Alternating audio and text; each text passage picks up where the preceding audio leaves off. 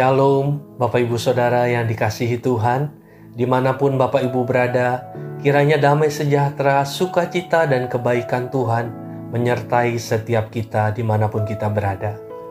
Roma 12 ayat 15 berkata, Bersukacitalah dengan orang yang bersukacita, dan menangislah dengan orang yang menangis. Di tengah-tengah sebuah pertandingan sepak bola yang sedang berlangsung, seorang pelatih dari salah satu tim kesebelasan yang sedang bertanding berseru kepada para pemainnya, "Sapu bersih saja, sapu bersih saja." Semua pemain pun, terutama pemain belakang, menjalankan instruksi tersebut. Setiap ada bola yang datang, langsung ditendang sekeras-kerasnya supaya menjauhi gawang mereka. Maksudnya sangat jelas, yaitu supaya gawang mereka tidak kebobolan. Ini merupakan strategi untuk mempertahankan skor pertandingan atau mempertahankan kemenangan. Itulah gambaran dari istilah sapu bersih. Baik sekali kalau hal itu diterapkan dalam hubungannya dengan iri hati dalam setiap hati manusia. Mungkin saat ini Tuhan sedang berseru dalam hati kita, sapu bersih iri hati di hatimu. Iri hati adalah perasaan marah, dendam, benci, kesal yang timbul karena melihat kualitas harta atau jabatan yang dimiliki oleh orang lain, di mana dia berhasrat untuk memiliki kepunyaan orang lain tersebut bagi dirinya sendiri. Kamus Besar Bahasa Indonesia mengartikan iri hati sebagai perasaan kurang senang melihat kelebihan orang lain.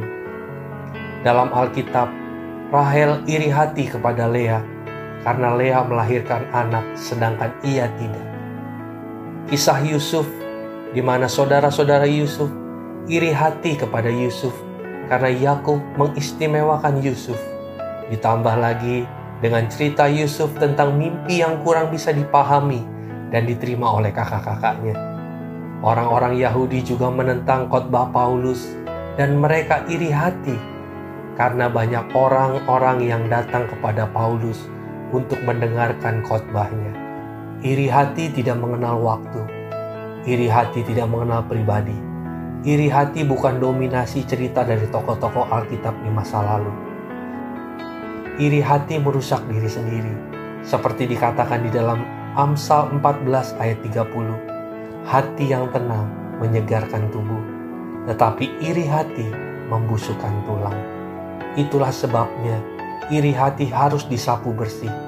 Untuk menyapu bersih iri hati kita, harus memulainya dengan bersyukur atas kelebihan-kelebihan yang dimiliki oleh orang lain, dan bukan menginginkan kelebihan-kelebihan itu bagi diri kita sendiri. Kiranya hari ini sukacita, ucapan syukur, dan kemurahan Tuhan penuh atas setiap kita sehingga kita bisa berkata, "Saya sapu bersih iri hati di hati saya." Biarlah saat ini Tuhan memampukan kita untuk menyapu bersih setiap iri hati di dalam hati kita. Adalah jauh lebih menguntungkan ketika kita menyapu bersih iri hati daripada menyimpannya di dalam hidup kita. Tuhan Yesus memberkati damai sejahtera bagi kita semua. Amin.